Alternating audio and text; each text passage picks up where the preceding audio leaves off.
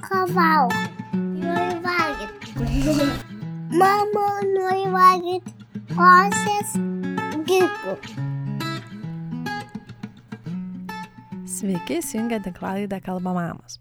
Šį kartą iš įrašų studijos vėl sveikinuosi aš, Morta Velenavičiane. Tinklaraštį Mama Kavalgom kurti įkvėpimas kilo prieš dviejus metus, kai Jurgis tik pradėjo pažinti su kietu maistu. O dabar kuriu šios pokalbis norėdama palengventi jūsų paaiškas apie kūdikių primaitinimą, mažų vaikų ir visos šeimos mytybą, įkvėpti drąsos ir pasitikėjimo savimi bei savo vaiku. Taip drauge galime užauginti maistą mylinčių valgytojų kartą. Į trečiąjį pokalbį pasikviečiau dietistą, neseniai vienerių sulaukusių Vinco mamą Živilę Dumbraitę Varkalienę. Pokalbį pradėjome nuo Živilės santykio su maistu. Ji pasidalino apie intuityvų įvalgymą. Mytybos teorija, sakančia, kad nėra blogo ar gero maisto, žmogus gali valgyti viską. Tai reikia pasikliauti savo alkio ir sotumo jausmu, pasitikėti savo kūnu, kuris pasakys, kokių medžiagų ir kokių produktų trūksta. Įdomu, kad suaugusiems reikia sąmoningai imtis tokios praktikos, nes esame stipriai išbalansavę šį savo kompasą ir kūnas pamiršta natūralius signalus. O vaikams tai pavyksta visiškai natūraliai. Pasisotinęs kūdikis nebesideda naujo kasnio į burną, nusisuka nuo maisto ar jį net numeta ant žemės. Klausiau Živilės, kaip jie sekėsi pradėti savo kūdikio primaitinimo kelionę, turint tokį žinių apie mytybą bagažą. Kokį primaitinimo būdą jį rinkosi. Ji pasidalino, kad stengiasi save šiek tiek stabdyti ir leisti kūdikiai pačiam pažinti maisto pasaulį, bei pasitikėti juo. Šiame pokalbėje išgirsite ir apie pasirengimo primaitinimui ženklus. Pasvarstėme ir kodėl vis dar gajus mitas, kad primaitinimą reikia pradėti ne nuo šešių mėnesių, kaip rekomenduoja Pasaulio sveikatos organizacija, bet anksčiau. Ir kodėl visgi reikėtų sulaukti, kol kūdikis yra pasirengęs pažinčiai su kietu maistu.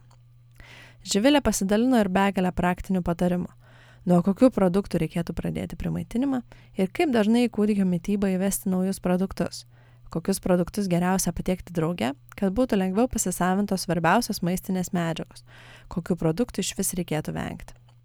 Su živile pakalbėjome ir apie suvalgomą maisto kiekį, kodėl svarbu leisti kūdikiui pačiam nuspręsti, kiek jis nori valgyti ir kaip toks savarankiškumo skatinimas bei įsiklausimas į kūdikio sotumo jausmą gali teigiamai atsiliepti ateityje. Kartais mes įsivaizduojame, kad kūdikis turi suvalgyti daug daugiau, nei jis iš tiesų norės. Vaiko skrandis yra nedidelis, o iki pirmųjų metų vyksta pažinti su maistu. Vadinasi, tai reikia atsipalaiduoti ir mėgautis maistu draugė su kūdikiu. Tikiu, kad šis pokalbis gali būti ypač naudingas šeimoms netrukus pradėsiančioms primaitinimo kelionę, tad labai kviečiu pasiklausyti. Už galimybę įrašyti šios pokalbius kokybiškai dėkoju Vilniaus universiteto radio stočiai Start FM. Kviečiu klausytis pokalbį. Kaip atsiradai dietetikos srityje apskritai, kas tave patraukė, ar tu taip pradėjai to domėtis jau, nežinau, būdavo mokykloje, ar studijavai iš karto tai, ar tik tai vėliau kažkaip atradai, tai pasidalink. Jo, tai iš tikrųjų dietetika tikrai ne iš karto atsirado, aš esu baigusi verslo administravimo studijas vadovų.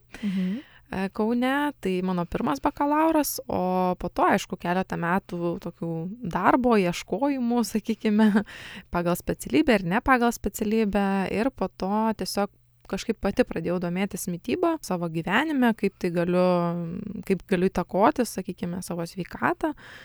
Ir palaipsniui tiesiog pradėjau įvairius mokymus dalyvauti, aišku, tada dar nebuvo tokių online, kad labai jau ten daug būtų, tai viskas gyvai praktiškai ir tiesiog vienam tokiam seminare vienas mokslų daktaras mhm. užkabino mane, kad, nu, sako, va, gal čia studijuoti visai norėtum tą dalyką. Tai kažkaip tuo metu tiesiog numečiau tą mintį ir, ir kaip sakoma, nu, gyvenime nieks nevyksta savo, tai, mhm. tai po pusės metų įstojau Kaune į dietetiką, nes tiesiog pradėjau ieškotis pati kursų, gal kažkokiu tai uh, mitybos, bet po to galvoju, nu ne, jeigu aš noriu žmonėms kleisti tą mitybos temą, tą, tą visą informaciją, tai norisi to tokio, nu, užtikrintumo, kad jau būtų plačiau šiek tiek viskas, ne tik tai, kad vat, kursai kažkokie išeiti ir, kaip sakant, visų galų specialistas ten -hmm. iš karto. Tai, vat, tai įstojau mokytis, trijų metų tos studijos dietetikos ir, aišku, tuo pačiu paraleliai dirbau ir,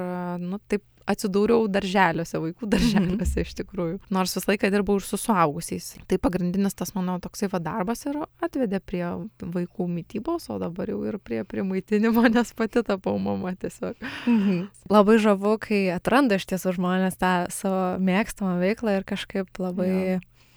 tada dega turbūt tuo. Jo, nes iš tikrųjų baigęs studijas, nu ten tu nežinai, ko tu nori gyvenime ir tas ateina tik tai truputį vėliau turbūt. Mhm. Man labai patiko tavo svetainėje berots parašytas e, požiūris tavo apie dietas. Lietuviškai turbūt mus labai dietologija, dietetika mhm. labai kažkaip nuteikia iš karto, kad reikia Taip. kažko savo neleisti, kažkaip mhm. laikytis ten to dietų. Ką tu manai apie tai? Jo, iš tikrųjų tas toksai vat vertimas gaunasi, nes angliškai tai nutrition tiesiog, -hmm. mytyba. O lietuviškai ta dietetika, dietologija, jo, šiek tiek yra ta tokia neigiama spalva.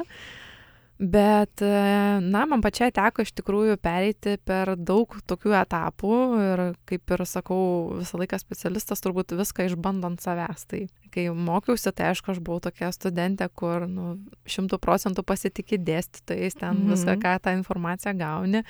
Aišku, išbandant savęs ten tas visokias mytybos ribojimus įvairius ir kažko atsisakymą. Tai visą tai praeitas etapas, aišku, bet galų gale pradėjau domėtis tiesiog tą pačiu intuityviu valgymu mhm. ir, ir pabandžiau suprasti pati, kaip visa tai veikia ir aišku, išbandžiau ant savęs. Tai šiai dienai tikrai galiu pasakyti, kad nesilaikau jokių mytybos ribojimų ir savo gyvenime stengiuosi valgyti viską. Aišku, niekur nedingsta tie dietologijos principai, kuriuos mes na, ir mokslo metu gauname apie baltymus, riebalus, angliavandenius, tos visos mhm. žinios, tai viskas tas yra, bet na, tiesiog prieš dietas aš esu iš tikrųjų ir, mhm. Ir bet kokius ribojimus tiek vaikams, tiek, tiek suaugusiems ir apskritai gyvenime nereikia savęs riboti. Teisingai, man tai labai irgi patinka toks požiūris, nes turbūt labai sunku visą gyvenimą taip gyventi, nu tai vis taip. tiek tos dietos yra tokios apgaulingos. Taip, ir aš tiesiog pamačiau tai iš praktikos, nes turėjau tokį įkūrusi moterų tokį klubą Ir taip, mums ten labai gerai sekėsi, nors tos moteris sako, kad aš nebuvau iš tų specialistų, kur labai griežtai ten mhm. liepia kažko laikytis, bet man tuo metu atrodė, kad, na, pakankamai griežtai ten viskas buvo ir, ir tos moteris iš tikrųjų numesdavo, ne tik moteris ir vyrai, numesdavo svorio ir ganėtinai nemažai su mano pagalba, bet po kiek laiko jie vis grįždavo tie žmonės ir aš supratau, kad, nu, kažkas yra vis tiek negerai, kad tai yra laikina, vis tiek sugrįžta tie žmonės ir vis tiek jie vėl prašo tos tavo pagalbos. Tai mhm. norėjosi kažkaip padėti tiem žmonėm, kad nu, nebereiktų jiems grįžti pas mane, kad jau jiems, kaip sakoma, visam gyvenimui tai įsiestų į galvą ir, ir tiesiog jie taip galėtų gyventi. Tiesiog požiūris pasikeistų, ar ne? Ar gali pasidalinti, kas yra intuityvus valgymas? Truputėlį užsiminiai. Jo, tai yra tokia kaip nu, mytybos teorija. E, viena iš teorijų, tai nėra kaip, na, dieta, kaip tarkim viduržėmė jūros dieta. Mhm. Ne? Nu, mes visi suprantam, kas tai yra. Tai yra toksai kaip ir gyvenimo būdas, tai intuityvus valgymas, jisai sako, kad, na, nėra blogo ar gero maisto, E, ir žmogui reikėtų valgyti viską, savęs neribojant. Ir labiausiai intuityvus valgymas, jisai mm, remiasi tą alkio sotumo teoriją, kad mūsų kūnas iš tikrųjų turi natūralius signalus, e, jaučia puikiai alkį, sotumą ir dėl to tiesiog reikia jais pasikliauti ir, na, tokiu būdu žinosime tada, ką mums reikia valgyti, ne, kokius produktus, kada, kokius kiekius Ir tai iš tikrųjų veikia gyvenime, bet uh, tam reikia laiko, nes dažnai nu, mūsų visuomeniai mes pripratę skubėti, lėkti visur ir uh, dažnai žmonės iš tikrųjų nejaučia net tolkio jausmo, jeigu mhm. jo paklaustum, ar, ar tu jauti, va, tarkim, kas yra alkis tau. Ir jisai sako, aš nežinau, kas tai per jausmas. Tai tiesiog, ja, kadangi mes nu, dažnai va, per tos darbus ignoruojame, tai nu, kūnas pamiršta tos signalus, galima sakyti. Bet visą tai galima atgaivinti ir, ir, ir vėl pradėti jausti, tai, na, aišku, tam reikia laiko ir, ir, ir žinių ir, mm, na, turbūt galbūt specialisto pagalbos kai kuriais atvejais, tai tiesiog tai tai tampa irgi gyvenimo būdu ir ir tiesiog tu taip jau vėliau gyveni. Ir tas intuityvus valgymas jisai nesiorientuoja niekada į svorio metimą mhm. o ko žmonės iš tikrųjų dažnai nori tą vat svorį reguliuotis. Tai aš visą laiką sakau kad svoris jisai reguliuosis su intuityviu valgymu bet gali būti, kad ne į tą pusę, kur jūs norit.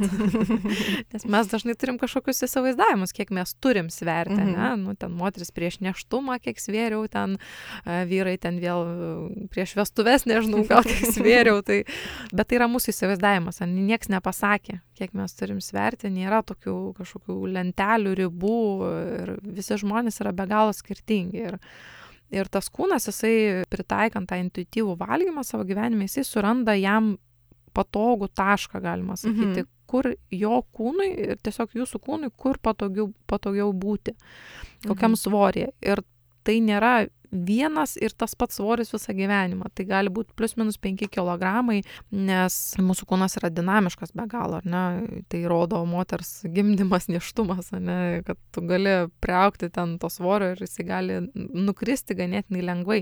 Tai reiškia, kad kūnas gali keistis ir, mhm. ir, ir va, tas intuityvus valgymas, jisai, sakau, surandi, tu surandi tiesiog tą tašką, kur tau patogu, mhm. kur tau yra gerai.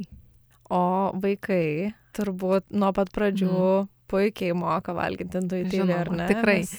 Jie nuo pat gimimo turi visus tos signalus, alkio sotumą, nežiūrėkit vaikui, jeigu tu siūlai valgyti ir jis sako, ne, aš nenoriu, tai jis iš tikrųjų nenori, jis mm -hmm. nėra alkanas tuo metu. E, nors kartais mums atrodo, kad, nu ne, kaip čia taip gali būti ir čia pagal laiką jau kaip ir turėtų valgyti, mhm. bet, na, sunku kartais iš tikrųjų leisti savo tą, tą tokį pripažinimą, kad, nu, gal vaikas tiesiog nealkanas. Ir e, manau, kad nuo pat mažumės reikia ir skatinti tą tokį, vat, intuityvų valgymą ir jokių didelių ribojimų neturėtų būti, ne, mytyboje čia kalbu ne apie saldumynų ten mhm, draudimus, kažkokius ribojimus, bet, bet, na, tarkim, vegetarizmą, veganizmą vaikystėje, ankstyvoje vaikystėje, kas, na, kartais iš tikrųjų pasitaiko.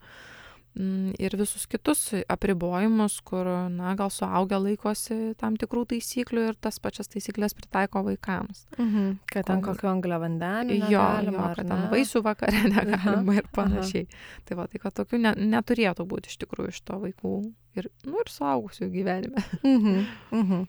Jo, tai mums tiesiog reikia paskui nesugadinti tų vaikų, Taip. ar ne, ir jų... Ir jų Taip. Na, čia turbūt amžinas mamų, ma, amžina mamų ir tėčių dilema, ne, kaip mm -hmm. nesugadinti to vaiko, kaip jį užauginti teisingai. Tai va. Man labai įdomu stebėti dietistę, kuri dabar turi e, mažą vaiką, kurį neseniai pradėjo primaitinti ir tiesiog labai įdomu stebėti, kaip tai vyksta. Ir labai, ko aš labai noriu paklausti, tai ar turėdama žinių mhm. teorinių, ar pavyksta jas pritaikyti praktikoje, ar pavyksta nesijaudinti, kad ten, tarkim, nevalgo kažko, ar kad mažiau suvalgo, negu galbūt įsivaizduojam, kad turėtų suvalgyti.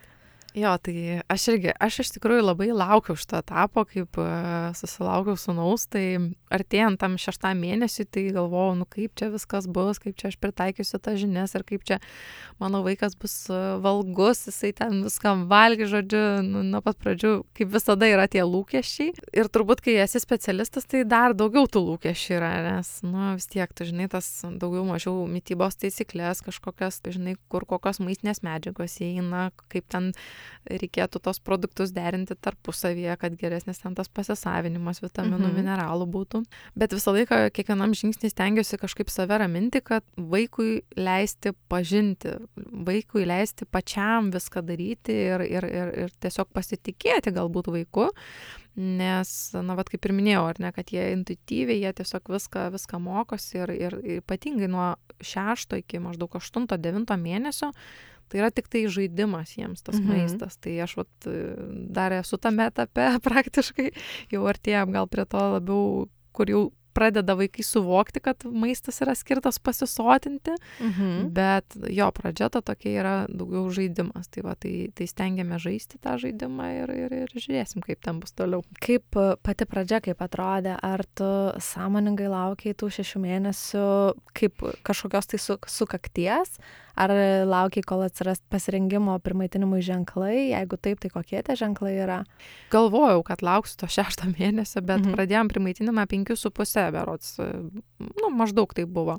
Taip, pasaulinė sveikatos organizacija ir dauguma mytybos specialistų rekomenduoja vis tik pradėti nuo šešto mėnesio primaitinimą. Dėl to, kad ne tai, kad ten suėjo va, ta data ir viskas jau šeši mėnesiai pradedam primaitinti. Tai gali būti plius minus porą savaičių labiau reikėtų orientuotis į tuos ženklus, kuriuos mhm. rodo vaikutis, kad jau jis yra pasiruošęs primaitinimui. Tai pirmas iš tokių ženklų yra sėdėjimas. Nus mano pradėjo, nu taip, šiek tiek pasėdėti jau pats ir aš pastebėjau, kad jisai nu, labai nori sėstis ir aišku, dar pasitariau su kineziterapeutė, ar, ar tikrai galiu jau sodinti, -hmm. nes mhm. nu, visą laiką tas mamų toksai, kad nesugadinčiau čia kažko. Taip, taip. tai pasitariau, sakė, taip, žalia šviesa galima sodinti, aišku, ten neilgai, nu, kadangi maitinimo kėdutė, tai tik tai, nu, ten kiek tam pavalgymui, 15-20 minučių. Tai pradžioje aš pradėjau nuo to, kad ant kelių tiesiog savo sodindavausi, mhm. o po to jau pradėjau į kėdutę, nes pradžioj pamatavau tą, kaip sakant, kėdutę ir pamačiau, kad jisai ten visas sukrenta, nugriūna, tai pagalvojau, kad dar, dar truputį per anksti, bet maždaug mhm. porą savaičių bėgėje jau mes atsisėdom ir į kėdutę mhm. maitinimo. Tai va tas pirmas toks požymis, o kitas tai aišku domėjimasis maistu, bet tas domėjimasis atsiranda maždaug nuo ketvirto mėnesio. Tai va mhm. dėl to dažnai tėvai pagalvoja, kad va jau čia turbūt laikas primaitinti, nes ten siekia mano maisto ir panašiai. Mhm. Bet siekia turbūt ne tik maisto, bet ir Būtent. bet ko, turbūt Būtent. ką laikai. Jie yeah, nuo ketvirto mėnesio pradeda domėtis viskuo, mhm. praktiškai, mhm. kas juos supa, nes, na, tarsi ateina tas etapas toksai. Kaip tik sąmoningai tuo metu uh, galvoju, ką man pasakys šeimos gydytoja, nes žinau, kad šeimos gydytojai labai mėgsta sakyti, kad va, nuo ketvirto mėnesio jau čia pradėkit duoti daržovės, košelės ir taip toliau.